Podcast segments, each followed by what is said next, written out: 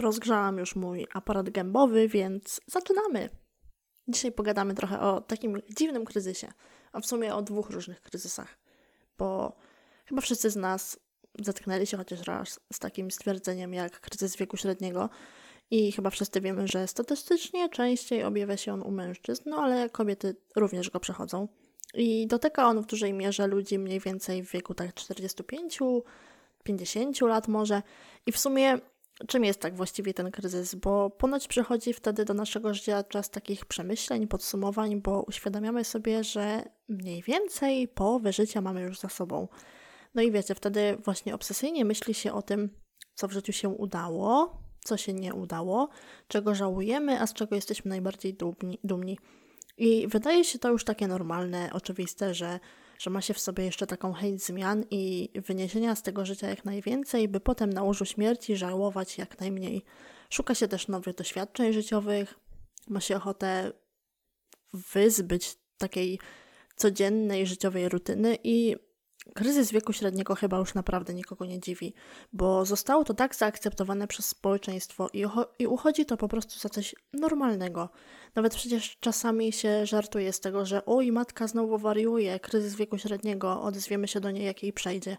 I ogólnie ja jakoś nigdy nie zwracałam na to wszystko uwagi, bo to jest tak zakorzenione w naszej kulturze, w w naszej świadomości, że ja myślałam, że to jest taki główny i chyba jedyny kryzys, który prędzej czy później pojawi się w moim życiu, bo, bo gdy myślałam o mojej przyszłości, tej za 5, 10, może 15 lat, to widziałam wszystko w takich optymistycznych barwach, jakby, jakby wszystko miałam już ułożone, że będę miała ładny dom, męża, dwójkę dzieci i ja już nawet miałam imiona wybrane dla tych dzieciaków. Nie wiem po co, ale tak było. I wszystko było takie bezproblemowe, wszystko układało się jak takie puzzle. Ale wiecie, nie takie tysiąc puzli do ułożenia w jednym kolorze, na przykład, żeby było jeszcze trudniej, tylko nie. Ja miałam w głowie takie puzzle składające się z 12 elementów, takie dla dzieci. Wiecie, na jednym puzzlu świnia i kawałek krowy, na drugim krowa i obora i wiecie, to taka szybciutka robota, cyk, cyk, poukładane. No i ja naprawdę myślałam, że dorosłe życie tak wygląda, że jest takie bezproblemowe, że pieniądze znajdą się same, że dom mi się sam zbuduje, a gdy skończę studia, to automatycznie zyskam jakąś fajną posadkę, męża znajdę i życie będzie się tak idealnie toczyć. Ale no, od kiedy jestem już troszeczkę dojrzalsza i od kiedy doświadczyłam troszeczkę tego dorosłego życia, bo no, pierwsze poważne prace mam już za sobą, to stwierdziłam, że, że to życie wcale nie jest jak 12 elementów do ułożenia, ale tych elementów tak naprawdę są miliony. I to jest po prostu taka niekończąca się układanka, która składa się nie tylko z jednego kryzysu, właśnie tego kryzysu wieku średniego, ale tak naprawdę większość tych elementów, które musimy ze sobą złożyć, to są takie wieczne kryzysy. Ułożysz jeden kryzys, jest jakaś przerwa, bo musisz znaleźć kolejny, który dopełni ten poprzedni kryzys i ułoży się w całość, która będzie ze sobą taka mniej albo bardziej spójna, bo oczywiście te puzzle są do siebie bardzo podobne i wydaje się, że, że pasują wszędzie, ale gdy potem, potem wchodzi się na taki wyższy level układania tych puzli, to odkrywa się, że one są podobne kolorem i kształtem, ale niekoniecznie dopełniają się w jedną całość. I wiecie, są ogólnie różne sposoby układania puzli, jednak chyba najczęściej zaczyna się od ułożenia ramki, by mieć już jakiś zarys tego wszystkiego. I mi się ogólnie wydawało, że ja już te ramki ułożone mam. I coraz bardziej wchodzę w ten środkowy obszar, który muszę zapełnić i przede wszystkim nie pogubić tych rozłożonych wokół tej ramki elementów. Ale ja jakby nie zauważyłam, że popierdoliłam kilka z tych elementów i ta ramka jest niby ułożona, ale coś tam jednak nie gra. Ale no jakoś tak wypierałam to ze swojej świadomości, ignorowałam to i to chyba całkowicie umyślnie. I po prostu brałam się za dalsze układanie, mimo tych wszystkich takich czerwonych lampek w, u, zapalonych w mojej głowie. I ja szłam w zaparte, że tak musi być i koniec. No ale jestem tylko człowiekiem i dopadł mnie kryzys również w układaniu. I choć zmuszałam się do tego, by nie zaprzestać na ułożeniu ramki i trochę środka, to wiedziałam, że dopóki nie będę miała ochoty, by skończyć tę układankę, to będę dostawać wściekliznę za każdym razem, gdy wezmę puzzle i nie będę mogła go nigdzie dopasować, bo, bo nie jest jeszcze jego kolej. I te puzzle są taką moją metaforą tej polonistyki. Już Wam kiedyś troszeczkę opowiadałam o tych moich studiach, nawet stwierdziłam, że to jest mój największy życiowy błąd. Potem jednak, no, znowu dałam szansę temu kierunkowi, ale koniec końców dopadła mnie kolejna myśl i to właśnie było tej minionej sesji, że nie, że to na pewno nie jest to, że to nie jest moja życiowa droga, że nienawidzę tego, czym się aktualnie zajmuję i czego obecnie się uczę. I wiecie, ta polonistyka była dla mnie właśnie taką ułożoną ramką. Ja już się tego złapałam i, i traktowałam to właśnie tako, jako taką moją szansę na dobrą przyszłość. Wmawiałam sobie, że na pewno znajdę pracę po tych studiach, która będzie sprawiała mi przyjemność, i ja świadomie wypierałam to, że ta polonistyka ma swoje defekty, których no ja kompletnie nie akceptowałam. Ale tłumaczyłam sobie to tak, że każde studia tak mają, że po prostu muszę się przemęczyć i na pewno w końcu przyjdzie do mnie taki dzień, że, że poczuję to, że to jest moja życiowa droga, że będę właśnie taką wymarzoną polonistką. I wiecie, teraz mi już te studia prawie minęły, a ten moment do mnie nadal nie przyszedł i ja już wiem, że on do mnie po prostu nie przyjdzie, bo, bo ta moja ramka z tych puzli jest tak chujowo ułożona, na, po prostu na odwal się po matrzemu. I to nie ma prawa się ze sobą złączyć, ale te wszystkie elementy, które, które odstają w tej mojej ramce, bo wcisnęłam je na siłę, byleby było, są elementami mojego kryzysu wieku młodego. I do tej świadomości o tym, że kryzysie nie doszłam sama, bo właśnie Onia, Onia, Kinia i Ola, Onia, teraz będę, będę mówiła na was Onia. Yy, Onia kilka dni temu uświadomiły mi, że właśnie weszłyśmy w ten kryzys i oczywiście nie dotyczy to każdego, bo, bo niektórzy nie mają problemów z dopasowaniem swojej ramki, ale jednak większość osób, z którymi rozmawiam na temat bliższej lub trochę dalszej przyszłości posiada te symptomy, które świadczą o tym, że, że dopadł jej kryzys. I ogólnie trochę myślałam nad tym, co tak naprawdę składa się na tę kryzysową sytuację w życiu, bo wiadomo, kryzys wieku średniego ma związek w dużej mierze też z układem hormonalnym, bo cała gospodarka się ponownie zmienia, nasz organizm przygotowuje się do jakiejś menopauzy czy andropauzy, pojawia się chęć przeżycia drugiej młodości i w ogóle trochę znowu nam szajba odbija jak podczas nastoletniego buntu. Kryzys wieku młodego natomiast nie charakteryzuje się tym, że hormony nam wariują, przynajmniej nie tak jak w poprzednich etapach życia. Można powiedzieć, że w dużej mierze mamy to już raczej ustabilizowane i to nie to, nie to gra tutaj główne skrzypce. Kryzys wieku młodego charakteryzuje się według takim, według mnie takim, takim psychicznym strachem przed przyszłością, bo tak naprawdę pierwszy raz w życiu musimy wziąć życie w nasze ręce.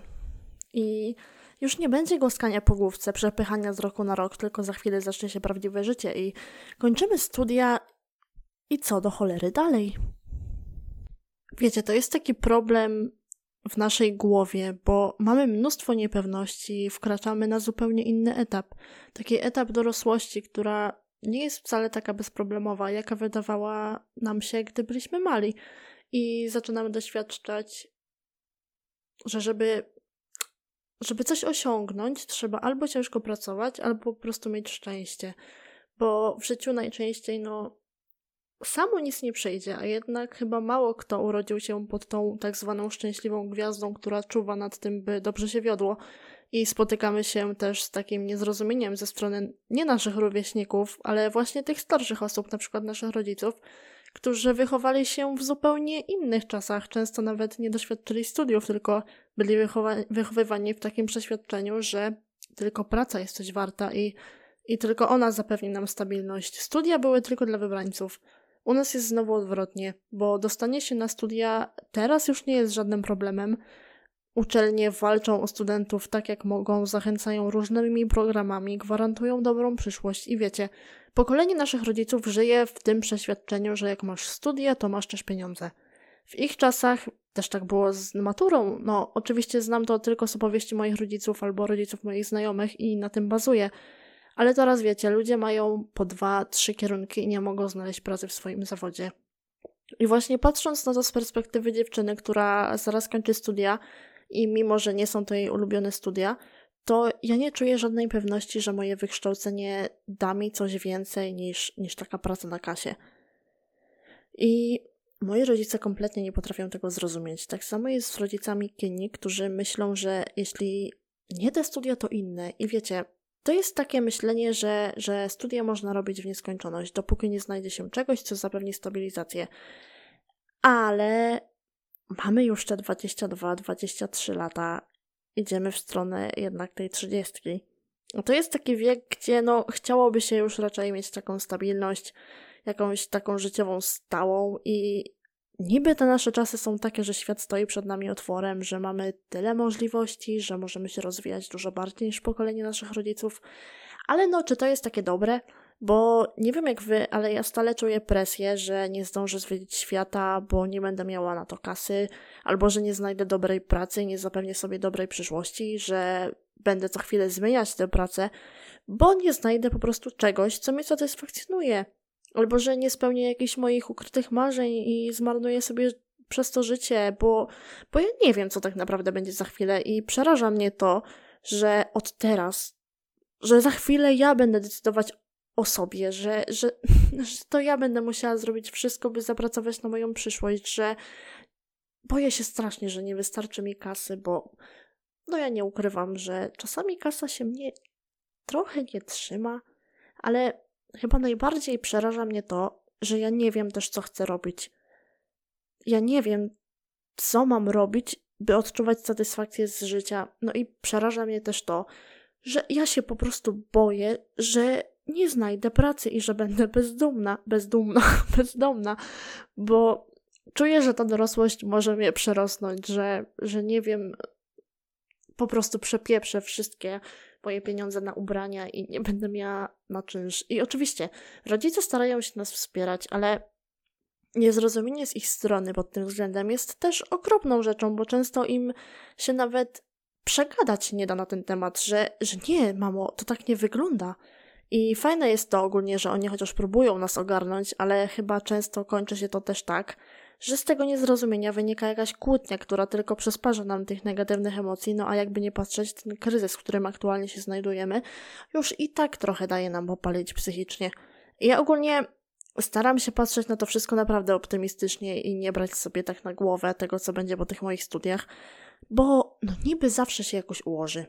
I śledzę też ten rynek pracy, patrzę co, gdzie i jak, jakie mam perspektywy i w jakim kierunku potem ewentualnie powinnam się kształcić. Ale jest też na tym rynku pracy coś, co mnie wkurza niesamowicie. Mianowicie jest to doświadczenie. Bo ja rozumiem to, że nie można śledzić, śledzia wpuścić na podkład, podkład, pokład. Czemu ja dzisiaj, dzisiaj ludzie mam taki dzień, że ja nie potrafię się wysławiać i nie wiem, co jest z tym dniem, ale mylę literki, mylę głoski, mylę sylaby, po prostu uwaga na mnie, bo mówię rzeczy, których nie powinnam mówić. No dobra. Nie można śledzia wpuścić na pokład, tak? Be śledzia bez doświadczenia, no nie możesz go wpuścić na pokład.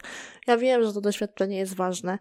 No i patrzę na tę sytuację, w której teraz się znajdujemy, na tę pandemiczną i też tą, że nasze studia są bardziej teoretyczne niż praktyczne, no to tak sobie zadaję czasami pytanie, gdy widzę, że wymagane dwa lata doświadczenia, że gdzie ja do cholery miałam to doświadczenie zdobyć, bo jak na razie to moim największym doświadczeniem jest to, że potrafię obsługiwać kasę fiskalną i kolektor od lotto, bo na tym zdarzyło mi się już pracować i jeśli natomiast miałabym zacząć pracę po moim kierunku studiów, no to na starcie dyskwalifikuje mnie to, że nie posiadam na przykład dwuletniego doświadczenia w korektach, albo w pracy w jakimś wydawnictwie, albo no nie wiem, mogłabym pracować jako przedstawiciel handlowy, bo, bo lubię sobie pogadać.